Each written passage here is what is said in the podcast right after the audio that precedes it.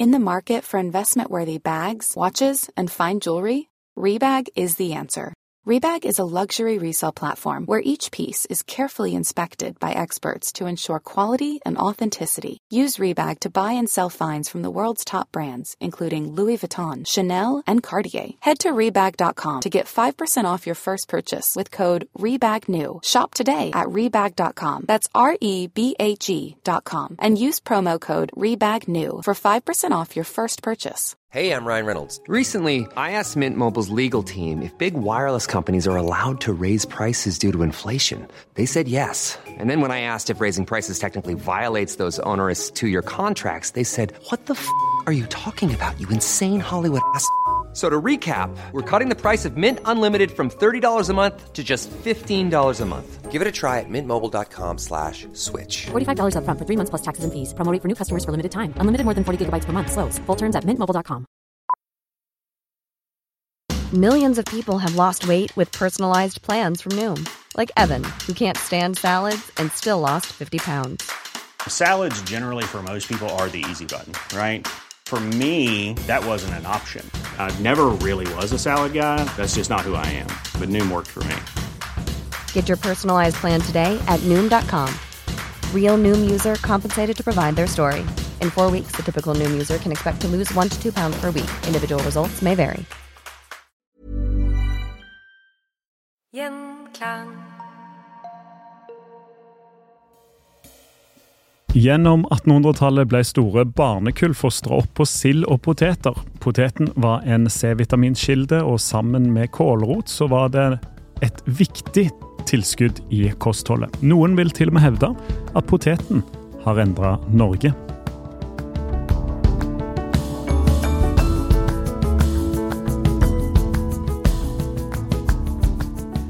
Velkommen til Historier som endret Norge. I dag skal det handle om poteten, en anvendelig grønnsak som noen nok har et langt nærere forhold til enn andre. Og da tenker jeg jo på deg, kollega Marianne Moe. Du er med oss i Historier som endret eh, Norge i dag. Du beskriver deg jo sjøl som en lidenskapelig potetelsker. Ja. Hva er det som gjør at du har blitt så glad i poteten? Nei, altså Det er jo først og fremst nettopp det du sier, at eh, poteten er så utrolig anvendelig. Har en eh, poteter, så kan jo en lage nær sagt hva som helst. Lomper og stappe og suppe og potetsalat og ja, altså du, du kan koke den, steike den, bake den, gratinere den, fritere den. Det er liksom helt utrolig mye du kan lage av det. Ikke minst herlige raspeballer, eller kumler som noen kaller det. Potetball, altså kjent, eh, kjært barn har jo mange navn. Og så kan en jo eh, også bruke potet i, i flatbrød. Eh, det gjorde de veldig ofte i gamle dager når eh, kornet måtte drøyes. og det er faktisk så godt at det er mange som lager flott brød på den måten den dag i dag. Men ikke minst da, så kan en jo lage snoperpotet, sprø, smakfulle chips. Ja, for hva hadde vel helgen vært uten? Hæ? Eh, Rimelig trist, vil jeg si. Altså, du kan jo bare tenke på alle smakene du kan velge i. sant? Det er jo det som er så fint med poteten, at den er ganske nøytral i smaken. Så her kan en eh, eksperimentere, og en kan leke seg, og en kan sette til eh, ja, forskjellige tilberedningsmetoder og smakstilsetninger, krydder og urter, eksempel da i eh, chips. Og så kan en jo til og med lage sprit av poteter. Så jeg pleier å si at hvis du har poteter og litt oppfinnsomhet, da kan du klare deg veldig lenge. Mm. Og det er ingen tvil at du kan lage mye godt av poteten, men eh, hvor næringsrik er den egentlig? Det er faktisk en veldig god kilde til vitamin C, til kalium, kostfiber, som er viktig for fordøyelsen. Og så har den jo også lavt fettinnhold. Jern, for eksempel, det er jo noe mange, kanskje spesielt kvinner, sliter med å få i seg nok av. Og jern det er viktig for å få oksygen rundt i hele kroppen. En stor eh, uskrelt potet vil gi rundt, sier de som vet det, da, 11% av det daglige behovet for jern. Så en porsjon uskrelte poteter vil da dekke over 40% av det daglige behovet for vitamin C, f.eks. Men for å oppnå dette så må du altså spise poteten med skallet på, da, eller? Ja, og det gjelder jo også når det kommer til kalium, for poteten inneholder mye kalium. Og det er viktig for å kontrollere blodtrykket. Så hvis du er opptatt av å få i deg nok av dette, så er altså eh, poteten en fin kilde, og en middels stor potet med skallet på det vil gi mer kalium enn f.eks. en banan. Så poteten den gjør mer enn bare å mette, den gir også kroppen mye nødvendig næring. Rent historisk så har vel kanskje dette hatt mye å si for poteten har fått den posisjonen eh, den har hos mange i dag? Ja, altså helt klart. Poteten har vært en eh, kilde til næring både i gode og kanskje ikke minst i dårlige tider. Så selv om innholdet av næringsstoffer eh, varierer med sort og med årstid og lagringsforhold, eh, så har den altså vært ekstremt nyttig. Og så må vi jo ikke glemme en viktig ting, at poteten er så lett å dyrke. Den krever ikke spesielt mye arbeid. Og den eh, kombinasjonen anvendelig, næringsrik, lettdyrket og kanskje ikke minst også hardfør, det har nok definitivt bidratt til at poteten har vært og er en eh, så viktig del av kostholdet. Ikke bare her i Norge, men faktisk i hele verden. Men hvor lenge har vi hatt eh, poteten her til lands, da? Hvis vi eh, skal tro de som har forsket på dette, så kom eh, poteten til Norge rundt 1740. Men det gikk altså lang, lang tid før han ble vanlig på eh, matbordet rundt omkring. Mm. Jeg har vært inne og snust på Nasjonal digital læringsarena, og der forteller de at det var en svensk omreisende handelsmann som het Åke Jønsson vi egentlig kan takke for poteten. Oh, ja. Åke, han, ja, han, altså han hadde egentlig fått nok av de harde tidene i Sverige, og han ønsket altså å søke lykken et annet sted, og dermed så endte han her i Norge. Og han hadde fått med seg noen potetknoller av en adelsmann i Sverige. Disse tok han altså med seg. Og um, når han kom til den gård i Vinga, som var et sogn i, Kongsvinger, så ble jo folk veldig nysgjerrige på hva disse knollene her var. Så han eh, Åke begynte å fortelle om poteten, om eh, hvordan man kunne dyrke den, hva den kunne brukes til. Og så var han jo en raus kar, så han ga jo også bort en del eh, knoller. Men det er jo bare én historie. Vi vet jo også at dansk-norske embetsmenn også var nysgjerrig på å teste ut poteten. Og det er vel ikke helt usannsynlig at soldater som gjorde tjeneste på kontinentet, kunne ha fått med seg noen poteter hjem og, og satt de her. Ja, for sånn opprinnelig så kommer du ikke fra verken Sverige eller Danmark, så poteten er vel fra Sør-Amerika, stemmer ikke det? Jo, i Andesfjellet så har eh, poteten blitt dyrket i tusenvis av år. Eh, faktisk kanskje så langt eh, som 28 000 år tilbake i tid.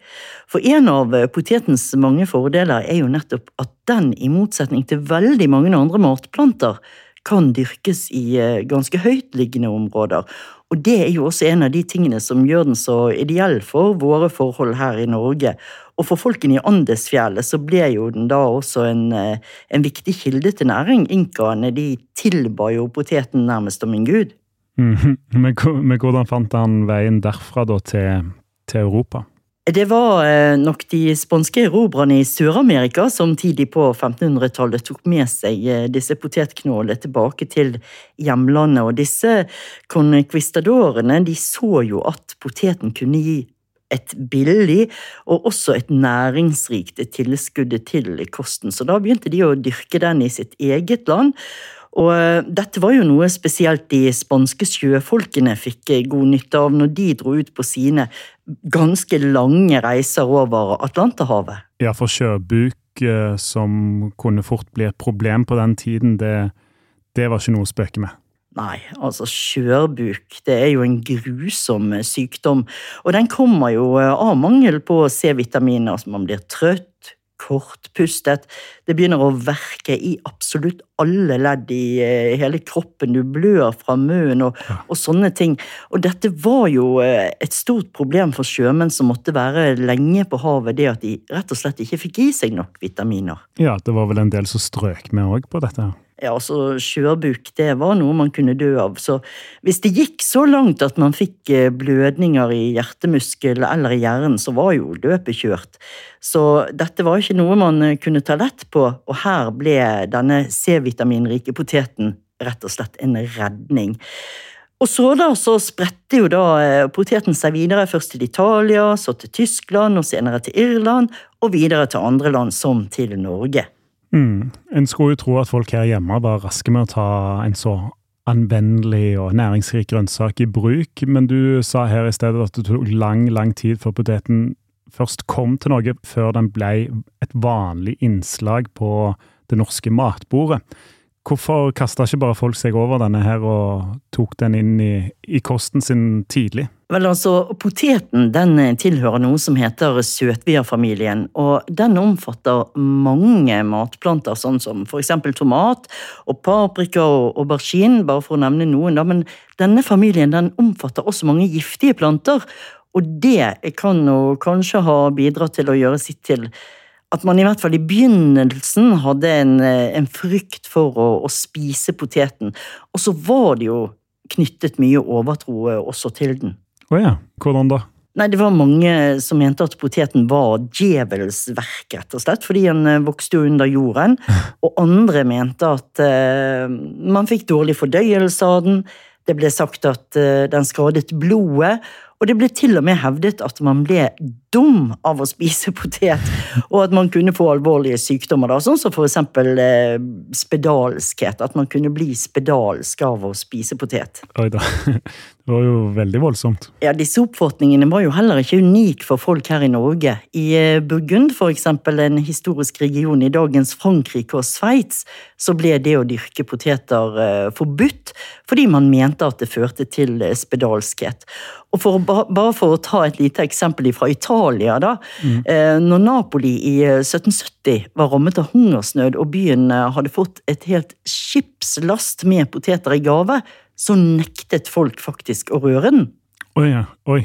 Så de, da gikk de heller sultne, liksom? Ja, altså faktisk. Folk sultet handler eh, enn å, å, spise potetene fordi de fryktet for eh, konsekvensene av å spise de mer enn det de eh, fryktet sulten av, for å si det sånn. Og det er jo ganske sprøtt å tenke på. Mm. Så denne angsten for poteten, den satt ganske dypt. Og um, det gikk jo så langt enkelte steder at f.eks. Eh, Fredrik den store måtte beordre de prøyssiske bøndene til å dyrke poteter før de gjorde det. Og da gjorde de det også ganske motvillig, for eh, der fryktet de at poteten ville gi de tuberkulose. Ok. Men, men eh, hvordan snudde det, da? Hva er det som skjedde som gjorde at poteten ble akseptert, og at den fikk en til slutt fikk en sentral plass eh, ved middagsbordet. Vendepunktet her hjemme det kan vi nok takke de mange såkalte potetprestene for. Ja. For kirken det var jo det stedet som folk møttes. Altså, Her brukte prestene anledningen til å fremsnakke poteten som en viktig del av kostholdet. Og så ga de folk veiledning både i ja, hvordan de skulle dyrke den og selvfølgelig bruke den. da. Og noen prester de gikk jo enda lengre, da. Eh, de eh, dyrket poteter selv som de serverte til menigheten, for da med smaksprøver å friste de til å, å starte med potetdyrking.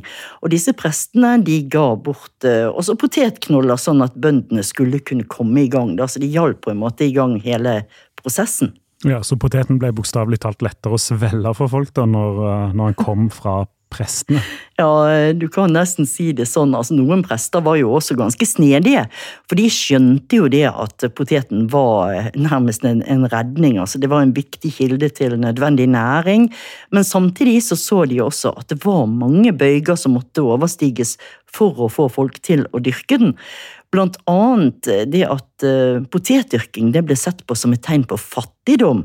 Og det var jo selvfølgelig heller ikke noe man ville flashe at man var, ikke sant? Mm. Og um, altså, Jeg kan jo ta ett eksempel på hvordan en uh, potetprest jobbet for å hjelpe folket, om du vil. Ja, ja. ja kjør på. Eh, en typisk uh, potetprest det var en kar som het Herman Ruge. Og han ikke bare ga bort poteter og knoller, han satte også poteter langs landeveiene, sånn at de på den måten da ble lett tilgjengelige for alle. Så folk kunne jo da diskré bare gå langs veien og forsyne seg selv når de ville, eller når de trengte det. Ja. For han, han så jo det at folk trengte næringsrik mat. Og det behovet, det skjønte jo de også. Det kom jo bare til å stige, og det gjorde det. For så kom hungersnøden, og da ble jo det å dyrke poteter rett og slett livsviktig for folk. Ja, og da, da tenker du på disse nødsårene under napoleonskrigen, sant? Ja, altså denne perioden fra 1807 til 1814, da Danmark-Norge var en del av konflikten i de europeiske napoleonskrigene. Det var jo det som for alvor fikk fart på eh, potetdyrkingen her i landet, for det var rett og slett noen helt grusomme år. Her i Norge så var jo kosten eh, tradisjonelt hovedsakelig basert på korn, og det brukte man jo da i ulike typer grøt, og man bakte brød. Men disse somrene her var kalde, det var veldig mye regn i denne perioden, og det påvirket selvfølgelig kornavlingene.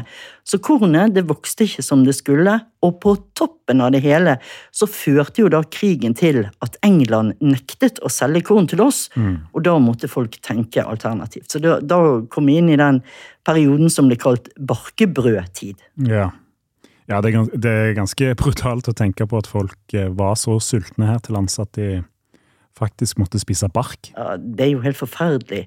Det de gjorde da, det var jo å samle de indre deler av barken på en gran. Furu, bjørke, alme, altså De tørket og pulveriserte og blandet dette da med litt vanlig mel. Og så bakte de et brød av det. Eller kanskje til og med enda dårligere. altså at de måtte lage erstatninger med halm. Så jeg har jo hørt at myndighetene i ren desperasjon til og med sendte rundt folk som skulle informere om hvordan man kunne bruke mose i brøddeigen.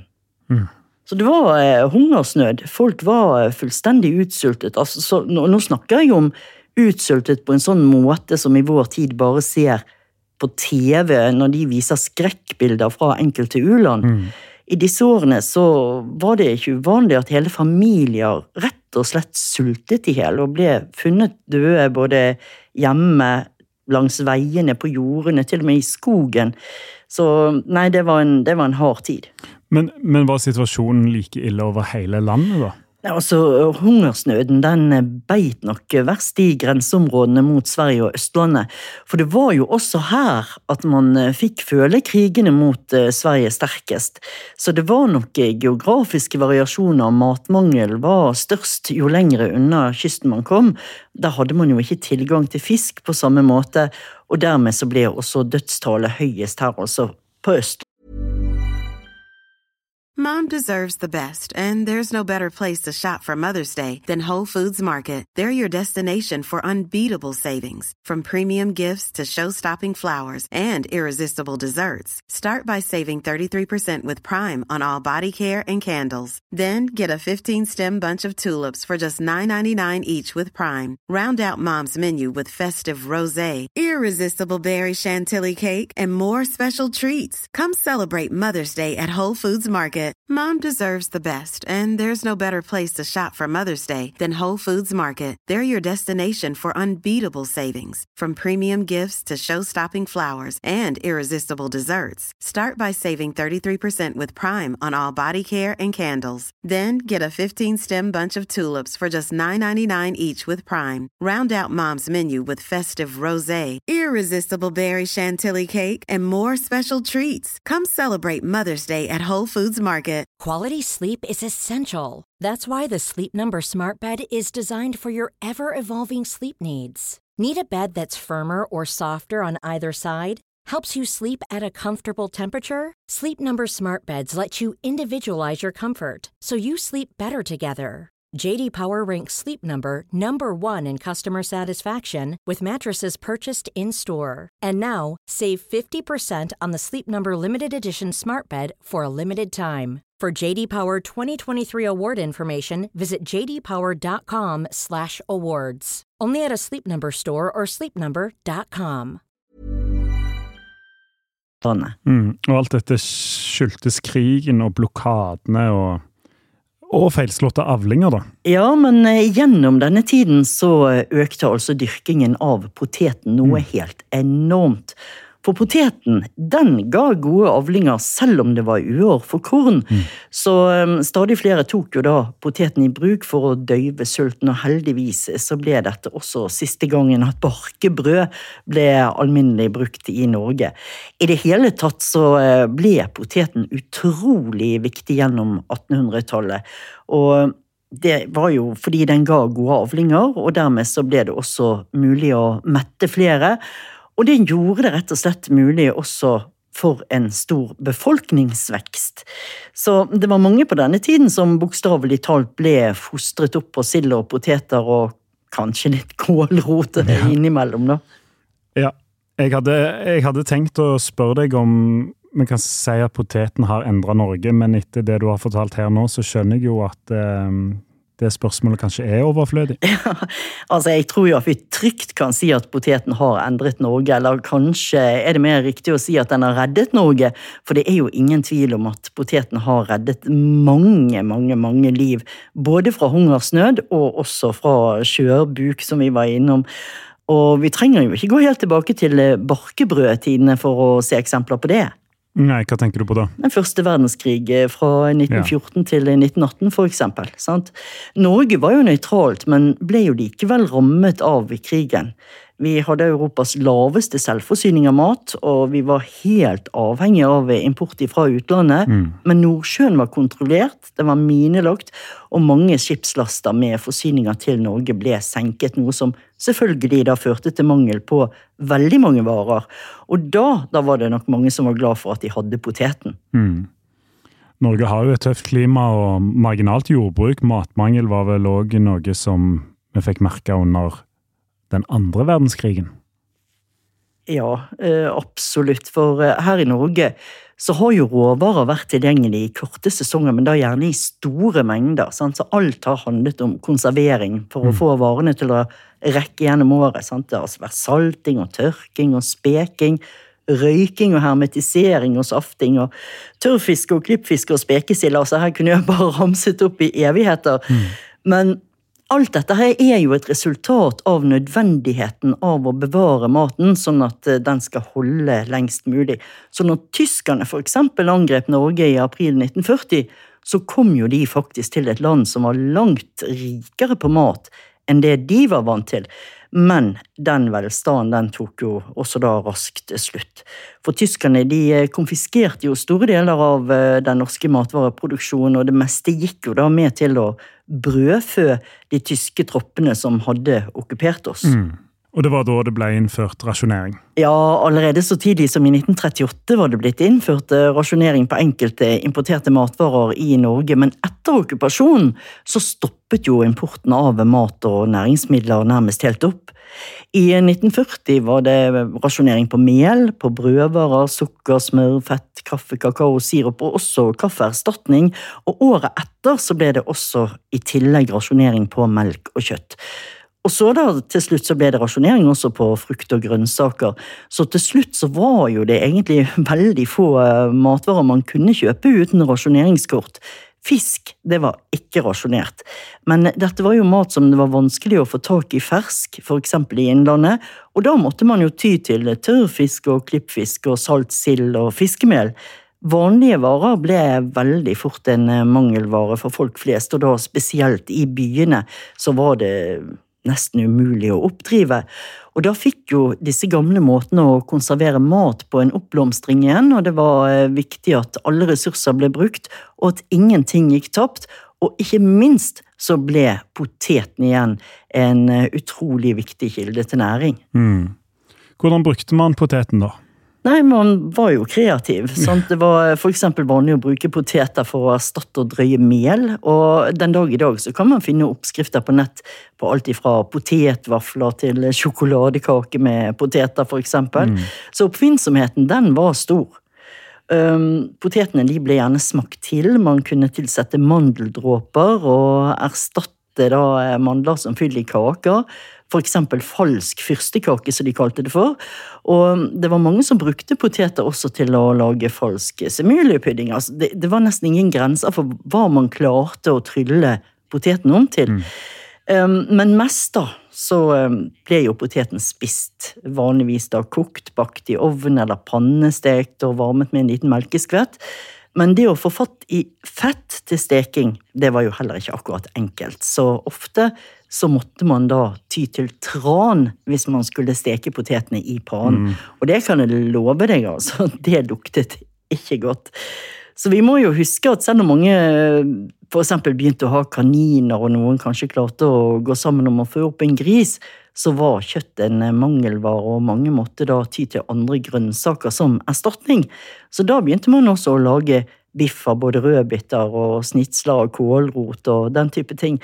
Men igjen, mange hadde faktisk bare poteter å spise, og da snakker jeg altså om til alle måltider. Ja, så det er litt upresist når jeg kaller det middagssporet, da, men det må jo ha gått uh med enorme mengder potet her. Jeg har sett et eller annet sted, husker jeg, at i løpet av disse årene så gikk det med rundt 600 000 tonn poteter årlig. Og det er altså mer enn dobbelt så mye hvis vi sammenligner med det siste året før krigen brøt ut. Mm.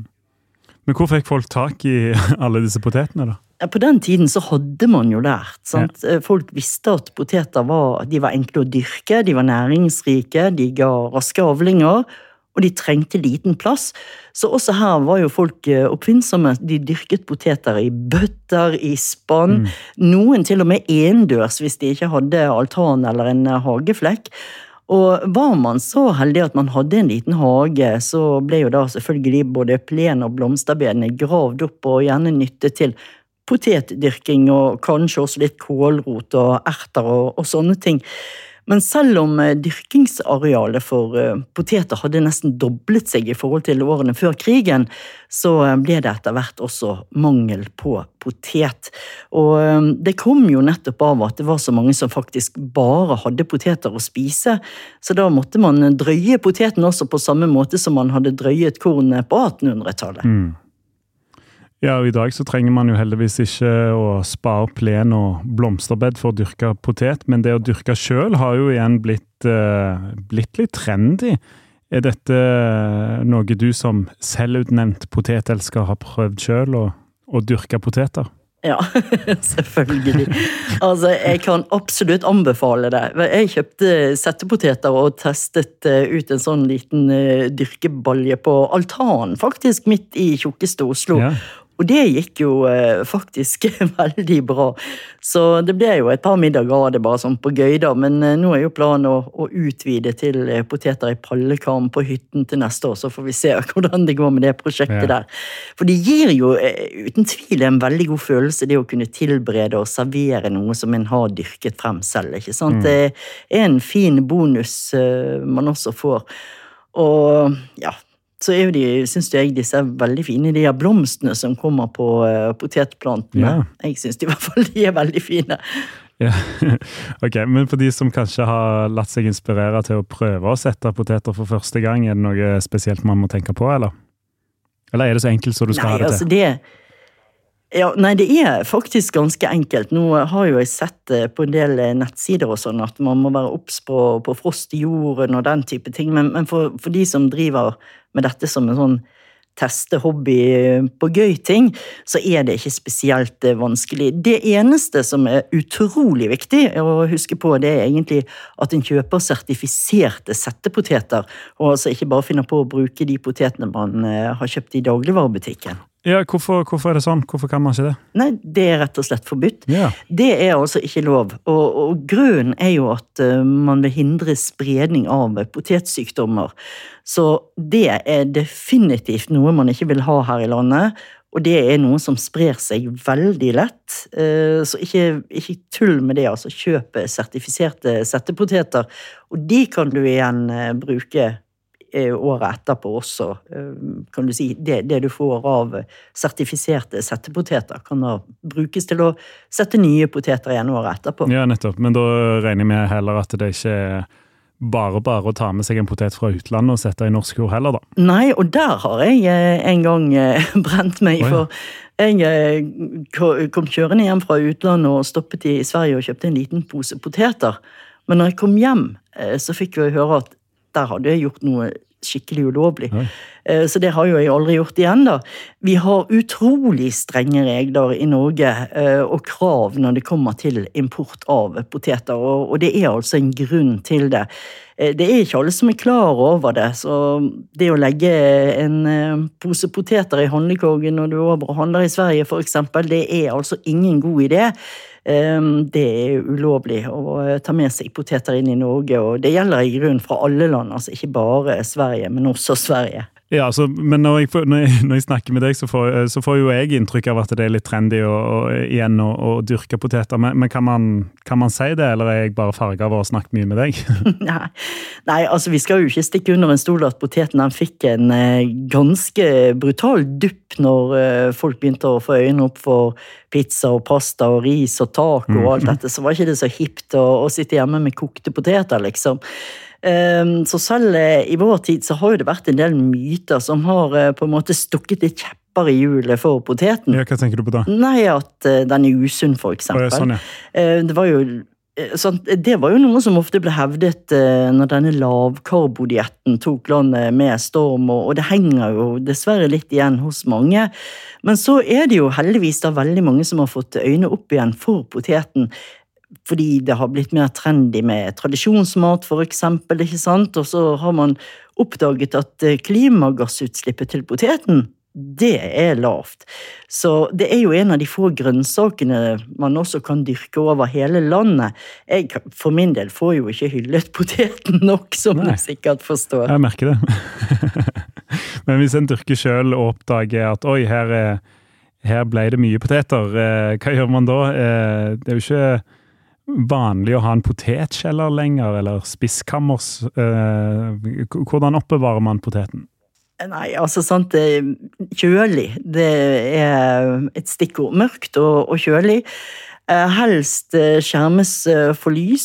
Kjøleskapet er faktisk ikke så dumt, men det rommer jo selvfølgelig ikke all verden når en skal ha plass til andre varer også. Så hvis ikke du har en kjellerbod Kanskje du har en sykkelbod, kanskje du kan sette en liten eh, kasse i eh, en garasje. Bare husk å ikke vaske de først. Ehm, for poteter er veldig ømfintlige for lys, og det er jo også grunnen til at man skal hyppe, som det heter. At man, man må på en måte etterfylle med jord og sånn for å eh, sørge for at ikke de blir utsatt for lys. Så behold jorden på, og, og sett alltid eh, kaldt. Mm. Så kan du ha de lenge. Men eh, så er det jo en annen ting man må være veldig obs på når det kommer til poteter. Hva da? Ja, Det er jo det at de har hatt nok jord over seg når de har eh, Altså før du har høstet de, ikke sant? Ja. For ellers så kan de jo bli grønne. Og hvis de, du ser at poteten har blitt grønn, da har de antagelig blitt eksponert for mye lys, sånn at de har utviklet stoffet solanin. Og det er rett og slett gift for både mennesker og dyr. Så grønne poteter, de kaster man ah. uansett. Rett i bosset med de. Men alle andre, eh, de kan vi ta med hjem holdt jeg på å si, og, og, leve lykkelig med urter som chips, som potetmos, som alt mulig digg. Så for eh, ja, jeg vet ikke med fare for å høres litt ut som en potetprest in spe, altså. Poteten er gull. Den har hjulpet oss gjennom mange kriser, og den vil jo selvfølgelig også kunne gjøre det igjen. Så hvis vi noen gang skulle komme til å trenge det, så eh, kan det være greit å ha litt erfaring. Det er bare å dyrke poteter, bruke poteter og kose seg med poteter. Og med de stadig stigende matvareprisene, så vil en jo faktisk også kunne merke at det er litt å spare på det òg. Marianne Moe, takk for at du forteller oss om eh, poteten i Historier som endret eh, Norge. Vår søsterpodkast Historier som endret verden har òg snakka om poteten, for poteten er jo verdensomspennende. I tidligere så kom eh, kollega Christian Konglund og Historier som endret verden ut med episoden 'Potetens utrolige reise', der han snakker med forfatter eh, Marianne Berg. Ta og Søk opp den. Eller så kan du òg eh, notere deg bak øret at uh, Historier som endret verden kommer med en splitter ny episode på torsdag. Historier som endret Norge er tilbake igjen på mandag. Marianne Moe, takk skal du ha nok en gang. Bare hyggelig.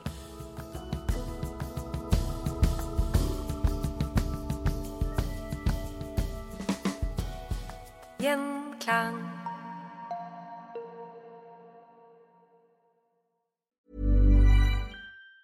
Mom deserves the best, and there's no better place to shop for Mother's Day than Whole Foods Market. They're your destination for unbeatable savings, from premium gifts to show-stopping flowers and irresistible desserts. Start by saving 33% with Prime on all body care and candles. Then get a 15-stem bunch of tulips for just $9.99 each with Prime. Round out Mom's menu with festive rosé, irresistible berry chantilly cake, and more special treats. Come celebrate Mother's Day at Whole Foods Market. Planning for your next trip? Elevate your travel style with Quince. Quince has all the jet setting essentials you'll want for your next getaway, like European linen, premium luggage options, buttery soft Italian leather bags, and so much more. And it's all priced at 50 to 80% less than similar brands. Plus, Quince only works with factories that use safe and ethical manufacturing practices. Pack your bags with high-quality essentials you'll be wearing for vacations to come with Quince. Go to quince.com slash trip for free shipping and 365-day returns. Mom deserves the best, and there's no better place to shop for Mother's Day than Whole Foods Market. They're your destination for unbeatable savings, from premium gifts to show-stopping flowers and irresistible desserts. Start by saving 33% with Prime on all body care and candles. Then get a 15-stem bunch of tulips for just $9.99 each with Prime. Round out Mom's menu with festive rosé, irresistible berry chantilly cake, and more special treats. Come celebrate Mother's Day at Whole Foods Market.